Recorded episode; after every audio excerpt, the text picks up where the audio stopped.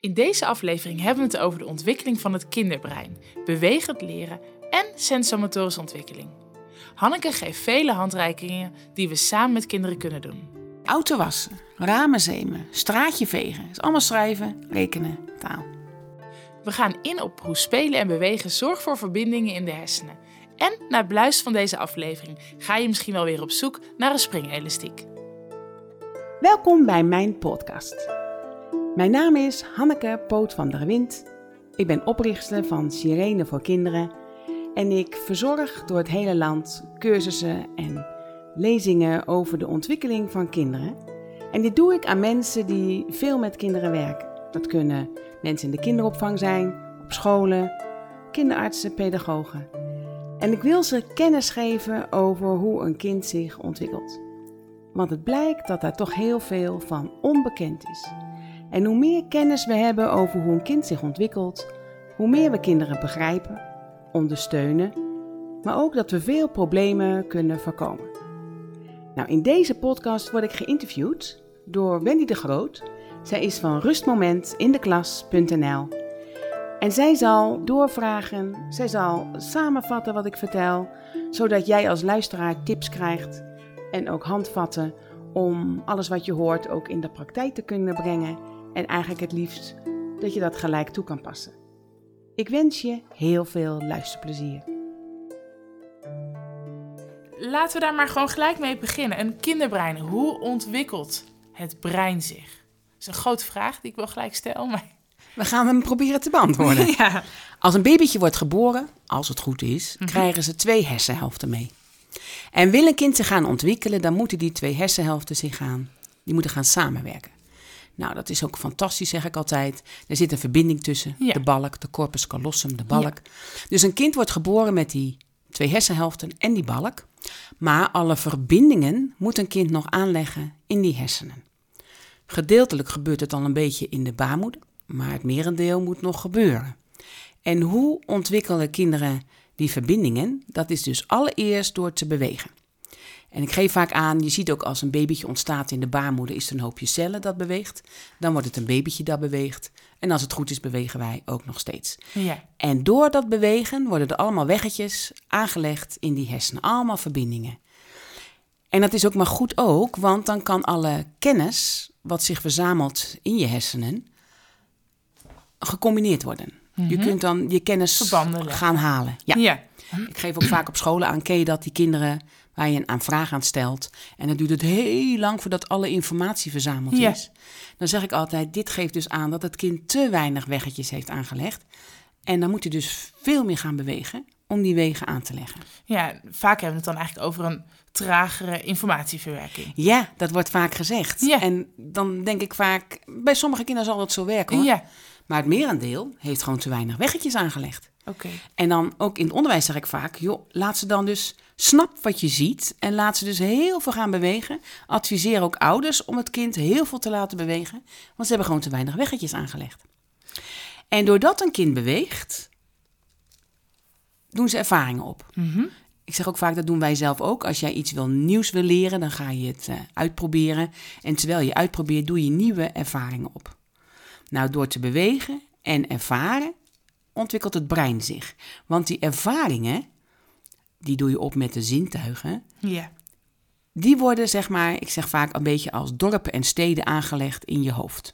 Dus je hebt die weggetjes en daarbij komen dorpen en steden worden aangelegd door Ja. ervaring op te doen. Ja. En die ervaring doe je dus op met de zintuigen. En ik ook vaak aanreik, eh, kinderen hebben de eerste zeven jaar, en bij jongens duurt het vaak wat langer, dat ze alle informatie die ze krijgen, dus wat ze horen, zien, ruiken, proeven, voelen, bewegen, al die prikkels moeten ze in die koppetjes zien op te slaan. Waarom? Ja, dat geeft ze dus kennis. Dat Ja. stelt hen in staat om ook uiteindelijk in groep drie uit hun hoofd te gaan leren leren. Wij zijn in een land, wij leven nu in Nederland, waar we erg cognitief, dus heel verstandelijk zijn ingesteld. Ja. Tegenwoordig zeg ik altijd zo'n grapje, moeten alle baby's naar de universiteit. En we geven ze maar kennis en kennis en kennis. Maar er is helemaal geen landingsplek aangelegd als een kind dat niet eerst zelf ervaren heeft. Ehm, en hoe ontwikkelen wij dus cognitie, dus kennis, door kinderen alles te laten ervaren? Ik geef ook altijd aan, een kind leert niet uit een boek wat een, of van de computer wat een koe is. Een koe moet je zien, horen, ruiken, proeven, voelen, nabewegen. Dat is een koe. Ja. Als een kind dat niet heeft gehad, is dat kennis waar ze, als ze daar geen gebruik van maken, ook weer helemaal kwijt zijn. Ja. Dus ik teken vaak ook op zo'n eh, flap over, eh, de twee hersenhelften, de balk. Dan laat ik allemaal weggetjes laat ik zien, ook al die dorpen en steden. En dat een kind dit echt aangelegd moet worden, willen ze verder kunnen in het onderwijs. En dat bewegen en ervaring opdoen, dat noemen we dus met dat moeilijke woord die sensomotorische ontwikkeling. De senso, dat is de zintuigen, motoriek is bewegen. Dus die sensomotorische ontwikkeling is verantwoordelijk voor de rijping van de hersenen. Vandaar dat ik op scholen ook bezig ben. Hoe zie je of een kind rijp is, bijvoorbeeld om naar groep 3 te gaan? Ja. Dan moet je naar die sensomotorische ontwikkeling kijken, want die laat zien hoe ver de rijping is van de hersenen. Helaas kijken wij in ons land naar de sociaal-emotionele ontwikkeling. Of een kind rijp is, dat is heel oneigenlijk. De sociale ontwikkeling, daar gaan we nog een podcast over doen. Die is pas, als het allemaal goed ontwikkelt, met, vier jaar, met groep 4, met uh, acht jaar pas klaar. Oké. De emotionele ontwikkeling, ja, daar heb je je hele leven heb je die nodig. Ja. Het is die sensomotorische ontwikkeling. Dus de, de, eh, ja, die sensomotorische ontwikkeling is bewegen en ervaren, wat zorgt voor de rijping van de hersenen. Ja. Dus ook als we het over bewegend leren hebben, is bewegen de weggetjes. Het leren is eh, kennis tot je Ja. nemen. Dat betekent dat ieder kind in de kleutertijd minimaal twee jaar moet kleuteren om alle dorpen en steden en weggetjes aan te leggen. En dat geldt ook voor de hoogintelligente en de hoogbegaafde kinderen. Ja. En ik maak me daar ernstig zorgen over. Ja, ik snap zie als kinderen, hoogbegaafde en hoogintelligente kinderen, die, zijn, die kunnen vaak al lezen als ze naar school gaan. Dan hoor ik vaak ouders zeggen, nou mijn kind kan al lezen, laat hem maar heel gauw naar groep 3 gaan. En dan zeg ik tegen leerkrachten, wil je dat nooit doen? Eerst die weggetjes aanleggen. Eerst die dorpen en steden aanleggen, zodat de kennis kan landen. Ik op school ook vaak wel aan leerkracht eh, zeg, ken je dat? Dat je kinderen wat vertelt en je ziet naar ze kijken. Je ziet ze naar jou kijken en dan denk je, oh, het landt helemaal niet wat ik hier vertel. Dan zeg ik, stop maar met wat je vertelt, want ze hebben geen dorp of stad aangelegd waar die kennis ingestopt kan worden. Dus dan kun je beter eerst zo'n dorp en stad aan gaan leggen. Mhm. Nou, dat doen ze in die eerste jaren.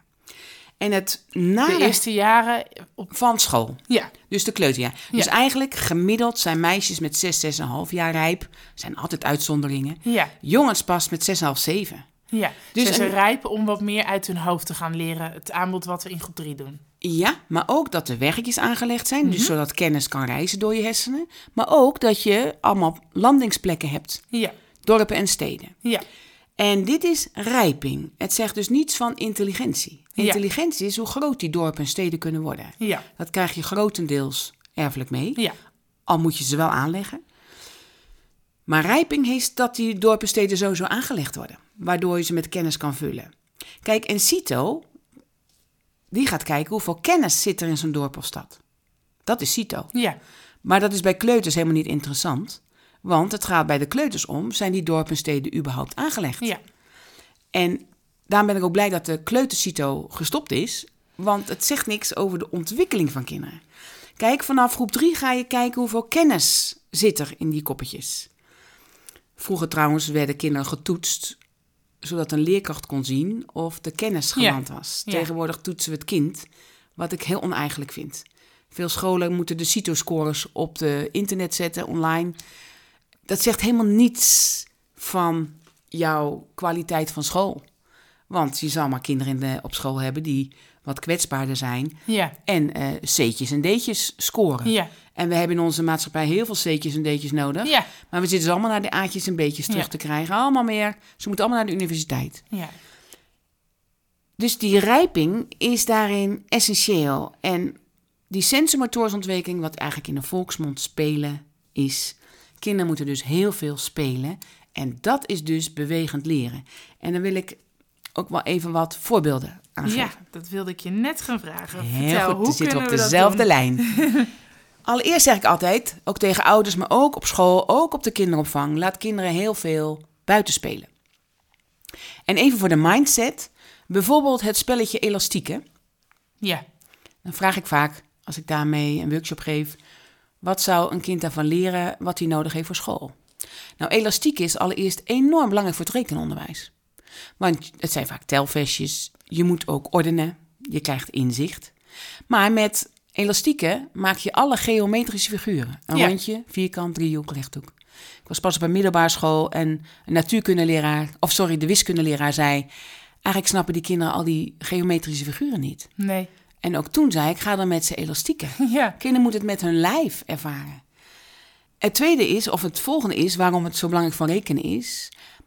We weten allemaal, als je dan zo'n riedeltje goed had met elastieken, dan ging dat elastiek omhoog. Dus je moest steeds meer springen, Ja. steeds hoger springen. Ja. Als een kind springt, dus loskomt van de grond, geldt niet op een trampoline, maar op de grond. Dan gaat het gebied waar je fantasie en je abstract denken tot ontwikkeling komen en geactiveerd worden in het onderwijs. Ik zeg vaak, een kind wordt een peuter als hij gaat springen. Je ziet ook zijn spel veranderen. Een kind die kan springen, die gaat eh, in de fantasie zitten, dus die wordt een prinses of een ridder. Ik zeg altijd ook op peutergroepen, wees alert, een kind die niet kan springen, verdwaalt op een peutergroep. Want die snapt het spel van, de, van andere kinderen niet. Ja. Stel dat ik bijvoorbeeld zeg van, joh, ik ben een beer en ik ga jou pakken. Een kind die niet kan springen, die staat je aan te kijken zo van, eh, je bent gewoon? Hanneke? Ja. Dus het is belangrijk dat kinderen kunnen springen. Dus ook op scholen zeg ik, als je bijvoorbeeld taal hebt gedaan en je gaat rekenen, ga eerst eens met de kinderen springen. Maak het gebied wakker wat je nodig hebt. Want abstract denken, dat is rekenen, Ja. maar ook letters en cijfers, is allemaal symbooltaal. Dus ook geschiedenis en aardeskunde. Dus alleen al elastiek is daar belangrijk voor. Elastiek is ook belangrijk voor het begrijpend lezen. Want je gaat in, op, achter, voor, links, rechts. Ja. Dat is allemaal begrijpend lezen. Je bent ook met de ruimtelijke oriëntatie bezig met elastieken. Ja. Dus allemaal schrijven. Ja. Dus alleen al elastiek is belangrijk voor rekenen. Taal, lezen, schrijven, geschiedenis, aardeskunde, alles. Ja. En zo kan ik eigenlijk alle spelletjes doen. Ik zeg ook vaak, en daar gaan we nog in een podcast over hebben, over het schrijven. Maar een van de voorwaarden om te kunnen leren schrijven, is dat je spelletjes kan doen als handstand en bokspringen. Ehm, want als ik handstand doe of bokspring, dan krijg ik evenwicht in mijn schouders. Ja. Wat heb ik dat voor nodig om te kunnen leren schrijven? Veel kinderen hebben geen evenwicht in de schouders. Die wiebelen eigenlijk continu daarin. eh. Dus dat schrijven wordt heel lastig. Ja, en hoe leer je die evenwicht in die schouders? Dat is bij baby's door op de buik te liggen, te kruipen en ehm kruiwagentje te spelen. Bij de peuters kun je daar de kikkersprongen bij doen. Bij de kleuters komen daar de hazensprongen, dus over een bank heen springen Ja. bij. Ja. En vanaf groep 4 leer ze alsjeblieft weer handstand en bokspringen, omdat dat de voorwaarde is voor het schrijfonderwijs. Ja. Dus om even aan te reiken, deze spelletjes die we altijd gespeeld hebben, doen we niet voor de lol alleen. Het is zo belangrijk ter voorbereiding en ondersteuning voor het onderwijs. Ja. Dus in het onderwijs zeg ik ook, het buitenspelen is een verlengstuk van je onderwijs. Ga dus heel veel lessen buiten doen. En dan krijg ik soms eh, de reactie, ja dat mag niet van de inspectie. Ik zeg niet wel, dat mag wel in, eh, van de inspectie. Als jij kan onderbouwen Ja. dat jij buiten bezig bent voor de ontwikkeling van kinderen. Buitenspelen is daar ongelooflijk belangrijk in. En een kind is met zijn hele lichaam ja, aan het leren. Aan het leren. Ja. En, En een kind leert allereerst met zijn hele lijf. En dat geldt bijvoorbeeld ook met in het huishouden meewerken. Mhm. Ik kreeg in de coronatijd veel mails van leerkrachten, leiders, ouders. Die zeiden, wat moet met die kinderen thuis? En dan zei ik, allereerst ga met ze buiten spelen. Ik heb liever dat ze buiten spelen als dat je sommen gaat maken of taallesjes gaat doen. Ja. Maar laat kinderen ook in het huishouden meewerken. Want bijvoorbeeld alleen al de was ophangen. Wat kinderen eigenlijk haast niet meer doen, want we hebben drogers. Daar hebben we een droger voor. Ja. Dus de was ophangen is belangrijk voor het schrijfonderwijs. Ook de fijne motorische eh, ontwikkeling met de knijpers. Maar je bent aan het passen en meten. En ik ook vaak zeg, kijk, een washandje wat nat is, is zwaarder dan een zakdoek die nat is, maar wel veel groter. Ja. Of een badlaken die nat is, is zwaarder dan een laken die nat is, maar Ja. wel veel groter. Ja. Dat zijn ervaringen die moeten kinderen opdoen om kennis te verwerken. ja, om later... Ja, om te snappen. ontwikkelen. Ja, en dat Ja. was dus de natuurkundeleraar die ik ook regelmatig spreek. Die zeggen, ze snappen eigenlijk helemaal niet waar ik het over heb. Nee. En dan denk ik, als ze de ervaringen missen, kunnen ze ook niet tot die kennis komen die je later bijvoorbeeld bij natuurkunde wil aanreiken. Ja. Dat geldt ook voor de afwas doen. Peuters en kleuters vinden het geweldig. Dan zeg ik, blijf het dan doen, de hele school, maar ook in de puberteit. Dat is goede gewoontevorming. Maar ja, we hebben afwasmachines. Ja. Maar afwas is een hele lijke leeromgeving. Want je bent met twee handen bezig, dus die hersenen gaan samenwerken. Je leert wat warm en koud is, glad en ruw, nat en droog. Maar ook, je bent met rekenen bezig, want het is leeg en vol, zwaar en licht, meer en minder. Ja. Of je een glas afwast of een plastic bord, zijn hele andere vaardigheden. Ik leer alle vormen, het rondje, vierhoek, driehoek. Dus alleen afwassen is zoveel voorwaarden. Ja. Eh, auto wassen, ramen zemen, straatje vegen. is allemaal schrijven, rekenen, taal. Dus we kunnen veel huishoudelijke taken. Heel nou, en samen ook, gaan doen. ja, samen. En ook dat kinderen beseffen dat het huishouden niet vanzelf gaat. Ja. Ik krijg vaak van ouders terug, ja, maar joh, dat doe ik zelf even snel. Of Ja. ik heb een werkster. Maar Ja. al die activiteiten, dat is onderwijs, dat is Dat is ontwikkeling. ontwikkeling. Eigenlijk. En dat zijn we kwijt. En ik merk ook dat veel ouders zeggen, nou, het duurt me allemaal veel te lang. Ik doe het wel even zelf snel. Ja. Maar dan denk ik, dan onthoud je je kind ontwikkeling. Ja. En tuurlijk zijn er momenten dat je het even snel doet. Maar laat er ook heel veel momenten zijn dat kinderen het wel doen. En ik krijg nu ook nu na de zomer van veel ouders terug... dat kinderen op de camping het zo leuk vinden om af te wassen. Ja. En dan denk ik, ja, maar blijf dan het hele jaar doen. Want kinderen hebben 100 tot 200 keer herhaling nodig. En kijk verderop in het onderwijs... is het dus heel ondersteunend voor het onderwijs als je afwast en afdroogt. En laat dat gewoon je gewoontevorming zijn. Want kinderen leren verantwoordelijkheid, leren samen verantwoordelijk zijn voor het huishouden. Dat is voor kinderen heel belangrijk om te snappen dat ze onderdeel van iets zijn. Mhm. En heel belangrijk om daar deel van uit te maken. Ja. Ja, dus ehm, het buiten spelen, het mee ervaren in gewoon de dagelijkse praktijk, dat is de basis om te gaan ontwikkelen. Dat zijn eigenlijk die dorpen en steden waar je het net Ja. over had. En de Ja. kennis die je doet. En ook nog heel even aanreiken, het, wat ik wel merk dat er vaak een beetje door elkaar gegooid wordt. Hoogbegaafdheid en hoge intelligentie is Mhm. twee verschillende dingen. Mhm. Hoge intelligentie is dat je grote dorpen en steden in je hersenen kan ontwikkelen. Waarvan ik altijd zeg, wees alert dat ook in je rechter hersenhelft veel intelligentie kan zijn. In je rechter hersenhelft zit bijvoorbeeld creativiteit, muzikaliteit, ehm, emotieverwerking, fantasie. Mhm. En er zijn kinderen die daar heel intelligent in zijn, Ja. maar die meten wij niet op school. Nee. Maar die zijn essentieel. Dus dat is hoog intelligent zijn, dat kinderen veel kennis tot zich kunnen nemen Ja. gaan ze ook vaak zelf naar op zoek. Vandaar dat ik ook merk bij de kleuters zeggen ouders vaak: ja, ik ben bang dat mijn kind zich verveelt. Kleuters kunnen zich in die zin vervelen omdat ze informatie moeten opslaan, Mhm. Maar niet dat ze tekort krijgen, want hoogintelligente kinderen zoeken zelf hun uitdagingen op. Ja.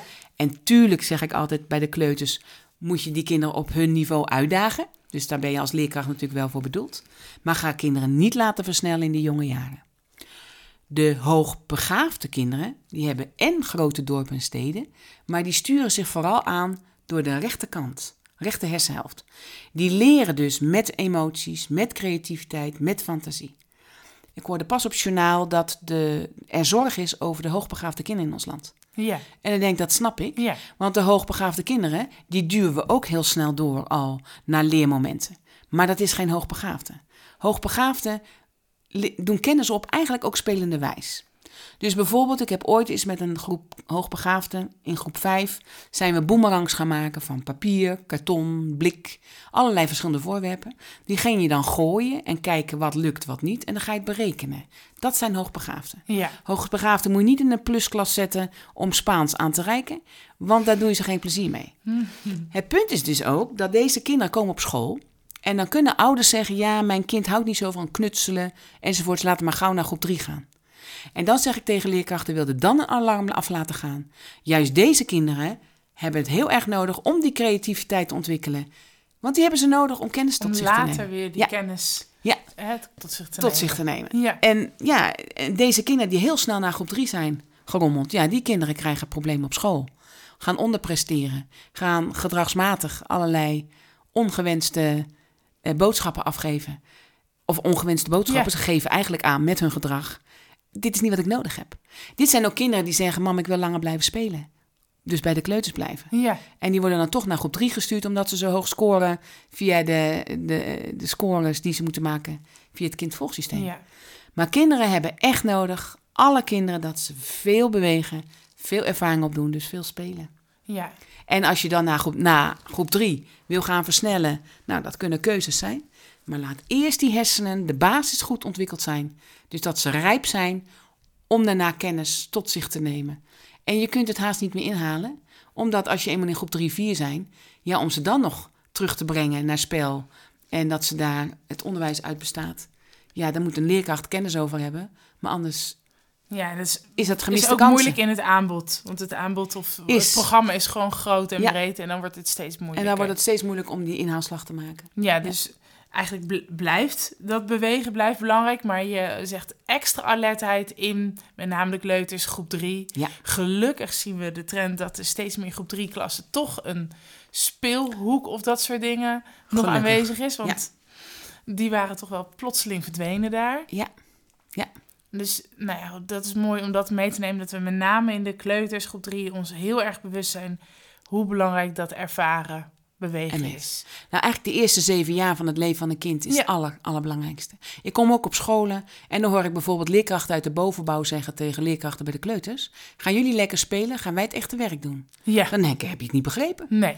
Kleuterlekeren en leerkrachten weten eigenlijk al bij de kleuters Mhm. of een kind een VWO-kind is of een VMBO. Ja, HAVO-kinderen die kunnen altijd een beetje rommelen. Maar dat weet een kleuterleerkracht al. Aan de manier van spel, aanpak van leerstrategieën enzovoorts. Dus al dat getoets van kinderen, ik ben er helemaal niet blij mee. nee. En daar pinnen wij kinderen ook aan vast. Terwijl Ja. het ook nog eens momentopnames zijn. Maar zorg dat de kinderen de eerste zeven jaar die basis heel goed hebben ontwikkeld. Ja, en hoe zie jij ehm, dat na die zeven jaar? Het bewegen? Nou, als je kijkt naar de ontwikkeling van kinderen, dan zeg ik altijd, ook qua beweging en ook eventueel qua sport, Ja, de kleuters lekker buiten laten spelen tot de kleutertijd. Met 5,5 bij meisjes, jongens 6 doen ze eerst op zwemles. We zijn natuurlijk een waterrijk land. Dan pas, omdat kinderen dan de coördinatie en de conditie eventueel hebben om zwemles te gaan doen. Daarna adviseer ik ouders voor een individuele sport. Eerst dat lichaam verder uitrijpen. Dus dat is bij, dat zijn bijvoorbeeld eh, atletiek, turnen, ballet, judo. En dan vanaf, zeg maar groep 4, pas de teamsports. Vanaf Want dan pas is de sociale ontwikkeling zover dat een kind kan samenspelen, samen delen. Ik zie kleuters op voetbal. ja, Die hebben eindelijk die voetbal te pakken en die gaan in hun eentje naar het doel. ja herken dat hoort zo, want dat is hun ontwikkeling. En dan krijgen ze vaak al zoveel negatieve reacties terug, dat ik ook wel sportverenigingen mails daarvan krijg die zeggen: Ja, met acht jaar gaan bij ons de kinderen weg. Ik denk, ja, dat Ja. snap ik wel. Die kinderen hebben zoveel negatieve ervaring opgedaan, terwijl juist die sporten, die teamsports, met acht jaar pas begint. Ja. Zoals volleybal, basketbal, pas met acht jaar aanbieden. eh, In teamverband. in teamverband. Ja, Ja. Dus dat is dan de ontwikkeling die ze nodig hebben. Ja, Die hersenen worden wel belemmerd in hun ontwikkeling in onze tijd. Mhm. En er zijn een aantal dingetjes die ik even aan wil reiken. De eerste is, wat vooral bij jonge ouders ook wel zichtbaar is, vooral in de grote steden, dat is de Baby Einstein. Baby Einstein is een televisieprogramma voor baby's van 0 tot 1. Oké. En dan krijgen ze Engels, wiskunde en biologie aangeboden. Oké, En dan zeg ik altijd, ja, babyhersenen staan overal open voor. ja, Dus je kan echt wel Engels, wiskunde, biologie aanbieden. Maar dat is kennis die gegeven wordt. Dus er ontstaat wel een dorp of stad.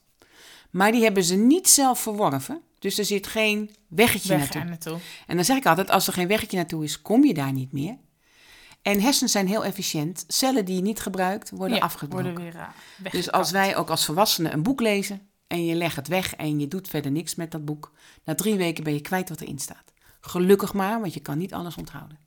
Maar bij jonge kinderen betekent dat dat je kostbare cellen al opgesoupeerd hebt en niet gebruikt. Ja. Dat zie ik ook op scholen waarbij ze in, bij de kleuters Engels geven. En dan zeg ik op scholen, Engels is een tweede taal. En heel veel kinderen in Nederland hebben ook nog eens een andere moedertaal. Waarbij ze dus Nederlands al als tweede taal hebben. En Nederlands is echt zorgwekkend aanwezig.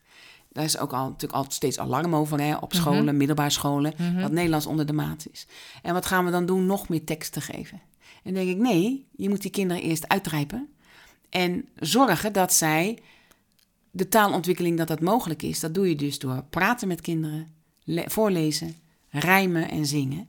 Dat is taalontwikkeling. Maar wij bieden veel te vroeg in Nederland letters en cijfers aan. Letters en cijfers die je aangeeft, groepsgewijs.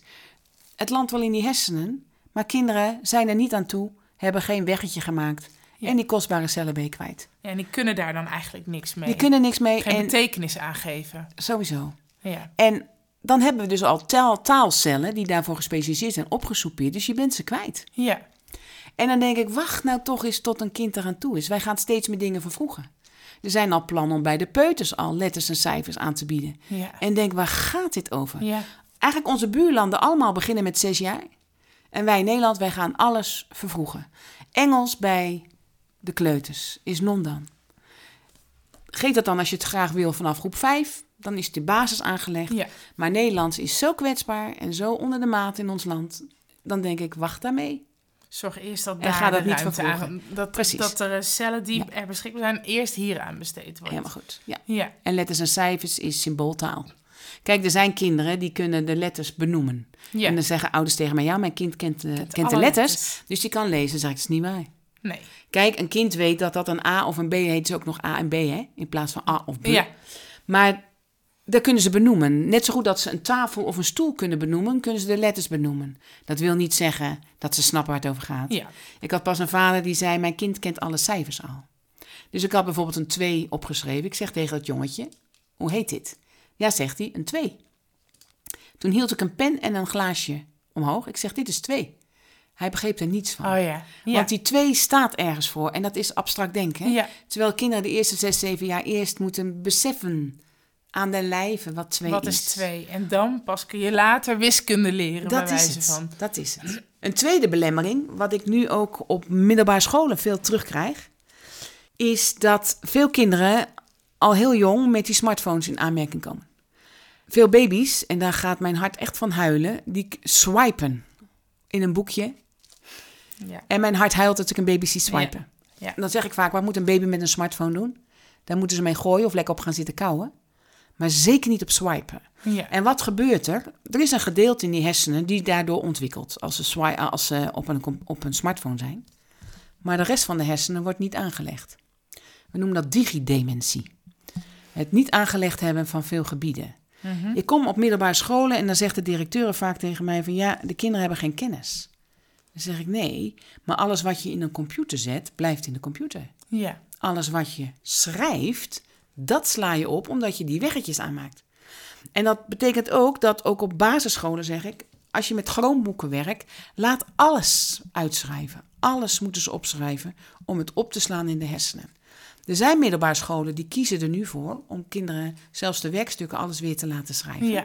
Maar ja, ze zijn zo moe ervan, want Ja. ze zijn niet meer Nee. gewend. Ze hebben geen conditie wat schrijven betreft. Ja.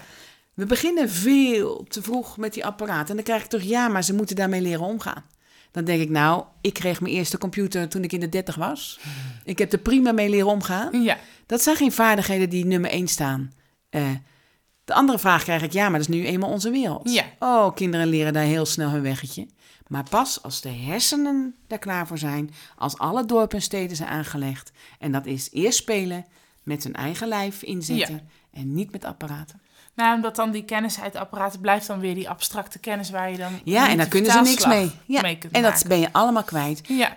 En dat zie ik dus ook, dat ook op scholen, en dat geldt ook thuis, er zijn heel veel programma's voor taal en rekenen om eh, zogenaamd kennis te verwerken. Ja. Dat doe je niet op een computer. Nee. Ik ben zelf heel blij met mijn computer, maar een computer is om informatie te vinden, niet op te verwerken.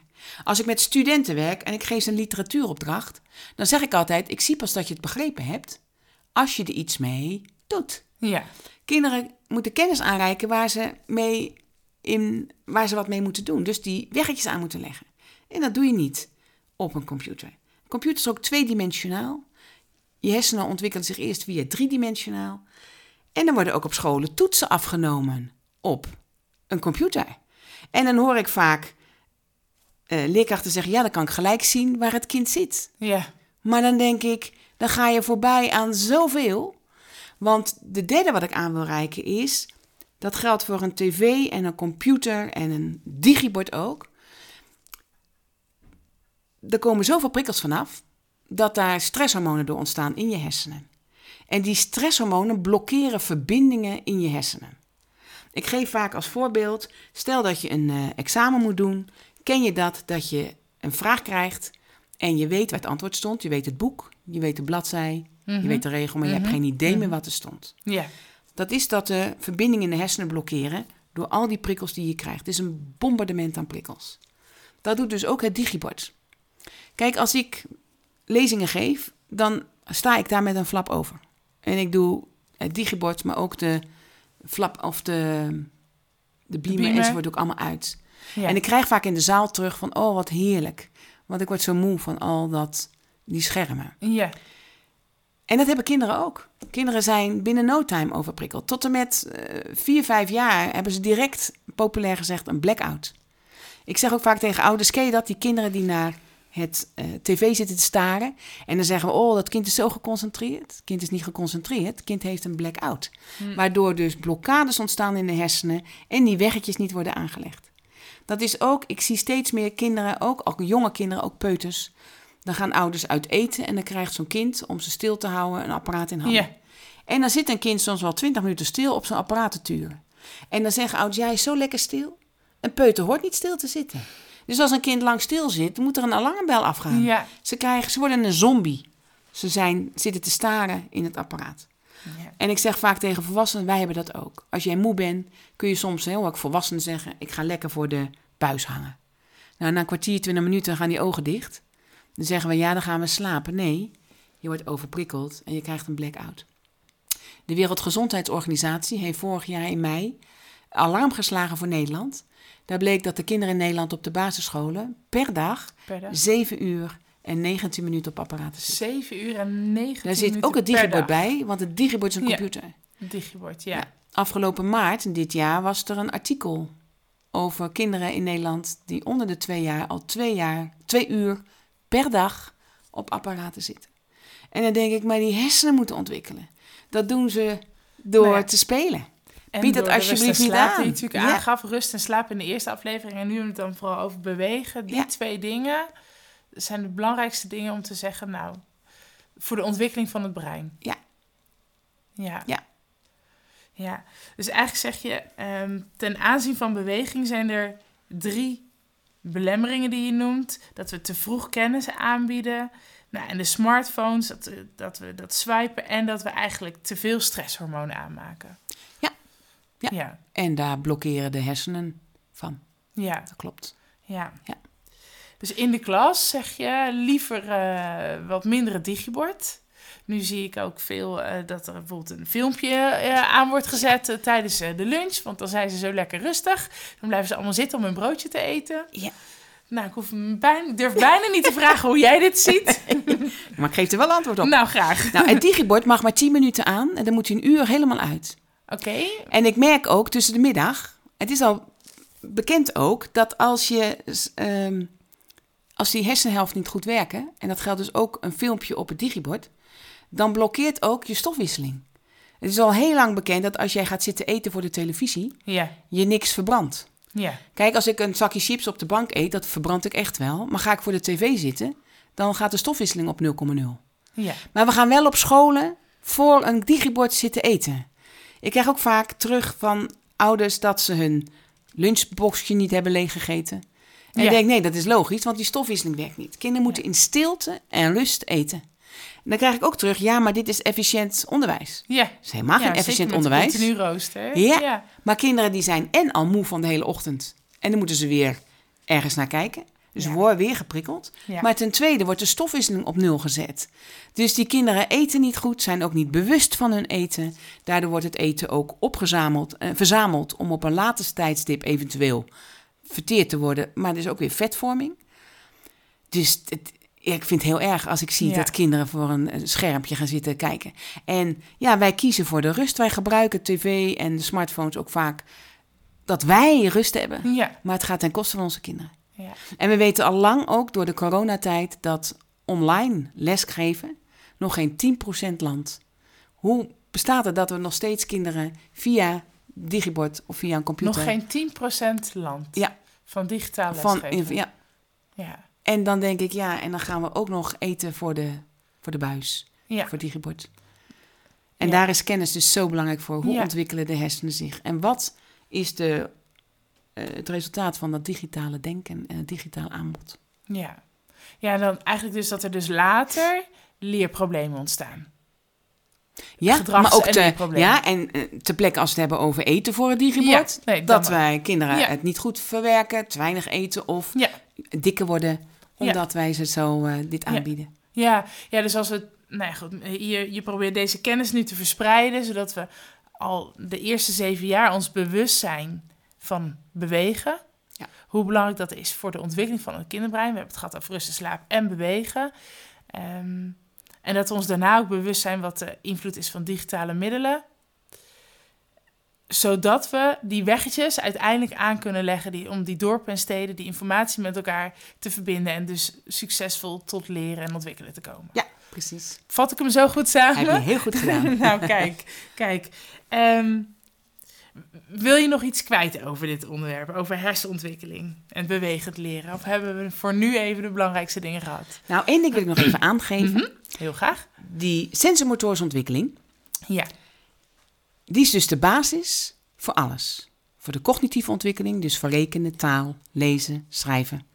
Ook voor de sociale ontwikkeling, de emotionele ontwikkeling, de lichamelijke ontwikkeling. Mhm. We gaan het in verschillende podcasts daar nog over hebben. Mhm. Dus dat is voor alles. Dan betekent dus dat die sensormotorische ontwikkeling voldoende zou moeten worden eh, gestimuleerd. gestimuleerd of uitgedaagd. Uit, ja, En dat is in ons land niet meer vanzelfsprekend. Vlak voor de eerste coronagolf was er op journaal dat er een kwart van de kinderen in Nederland motorisch onvoldoende waren ontwikkeld. Mhm. een kwart. Toen hadden we het nog niet over de zwakken. Was al de helft van de kinderen zwak tot onvoldoende. Na corona is het tot 70 Zo. En dat heeft dus, gezien de rijping van de hersenen, grote gevolgen Ja. voor het onderwijs. En het tweede wat ik ook aan wil reiken is dat die sensormotorische ontwikkeling ontwikkelt zich van groot naar klein. Ja, Dat betekent dat baby's, peuters, maar ook kleuters hun hele lijf, lijf moeten gebruiken om die sensormotorische ontwikkeling te ontwikkelen. Dat betekent dat ze ook groot aanbod moeten hebben, dus dingen in het groot. Ik merk ook al bij baby's, daar krijgen baby's bouwbekers, die zijn zo klein, daar leren ze dus niets van. Ik heb een keer een jongetje onder behandeling gehad, die zat in groep 5. En die deed bij CITO steeds de sommenfout van die blokjes die je op elkaar stapelt. En dan moet je ruimtelijk weten hoeveel blokjes dat zijn. ja, En die moeder kwam mee en toen zegt ze: Het is zo raar dat hij dat niet altijd fout doet. Want vanaf zijn peuterleeftijd speelde hij al met Lego. Hmm. Daar ligt het probleem. ja, Ik ben met hem naar een supermarkt gegaan, zijn we grote dozen gaan halen. Dat is een peuter met zijn hele lijf. Bij de kleuters heb ik grote blokken gehaald om te stapelen. Dat is uit de schouders. En Duplo gaat uit de elleboog. ja, Dus nu op kindercentra zeg ik alleen maar grote dozen en alleen maar grote blokken. Ja. Geen Lego, geen Duplo, geen Knex. Zelfs bij de kleuters zeg ik. Een vierjarig kind mag niet met een, een bijna zevenjarig kind in dezelfde bouwhoek spelen. ja, Zorg dat je bij de kleuters drie verschillende bouwhoeken hebt. Eén met grote dozen, één met blokken, één met Duplo. En geen Lego nog, want dat is in onze tijd veel te klein. Ons, de meeste kinderen die naar school gaan, die bewegen nog pas uit de schouders. Dat betekent dat je moet ze gaan scheuren, ja. maar ga alsjeblieft niet met ze knippen. En dat merk ik ook. Er wordt veel in de kindercentra aan kleurplaten, priklappen, eh, scharen gegeven. Dan zeg ik, bij peuters horen sowieso geen werkjes gemaakt te worden. Die moeten gewoon met hun hele lijf aan de gang. Ehm, maar de ontwikkeling zit er helemaal niet. Op scholen zie ik nog steeds bij de kleuters gaan ze vouwblaadjes en 16 vakjes vouwen. Daar leert een kind niks van als hij uit zijn schouders beweegt. Als je uit je schouders je aanstuurt, moet je een laken in 16 vakjes vouwen, anders leer je er niks van. Maar kijk, toen ik een peuter was, ik heb mijn moeder al geholpen met de was opvouwen toen ik nog klein was. Ja. Dus die beweging had ik al gedaan. Ik heb afgewassen, ramen gezeemd, eh, auto gewassen. Dus vanuit mijn schouders was ik al ontwikkeld. Toen ik naar de eerste klas, dus groep 3 ging, de meeste kinderen waren al zo ontwikkeld dat ze aan, vanuit de pols zich konden aansturen. Twintig jaar geleden was het elleboog. Mhm. In onze tijd is het uit de De schouders. schouders. Ja. Vandaar dat ik ook bij de kleuters zeg, ga groot werken. Maar ik haal kinderen uit groep 8 eruit die niet rijp waren voor groep 3. ja. Want er zijn heel veel kinderen die staande, half staande aan het werk zijn, die bewegen nog uit de schouders. Nou, die hebben heel veel informatie gemist, omdat ze veel te veel kennis moesten aannemen waar hun hele rijpingsproces nog niet aan toe was. Ja, zodat het, ja, dan kon het zijn plek niet vinden eigenlijk. Precies. Ja. Ja. ja. dus van groot naar klein werken, dat is... Dus dat betekent bij de voorschoolse, dat zijn de, is behangpapier of die A1 formaat papier. Ja, In groep 1 A1, in groep 2 op een A2 formaat. In groep 3 zeg ik altijd begin op een A3. En halverwege kun je kijken bij sommige kinderen naar de A4. ja, Maar ja, ik zie heel veel kinderen al in schriftjes van A5, A6 Ja. bij de kleuterzaal. ja, Kijk, een van de redenen waarom de kleutercito's gestopt zijn, was omdat het op een A4 was. Maar we geven kinderen hele kleine papiertjes waar ze niets mee kunnen. Ja. Waar ze dus ook hun kennis niet in uitdrukking kunnen brengen. Ik had een keer een moeder gehad en die zei: Ja, mijn kind die kan niet naar groep 2, want hij kan geen poppetje tekenen. En elke avond was ze aan het oefenen op zo'n memoblaadje. ja. Oh, nou, dat lukte dus. Nee. echt helemaal niet. Nee. Gelukkig kwam oma en die had stoepkrijt mee. mee. En die jongetje kon een pop tekenen. Met Ja. alle, alles erop en eraan, groot op de stoep.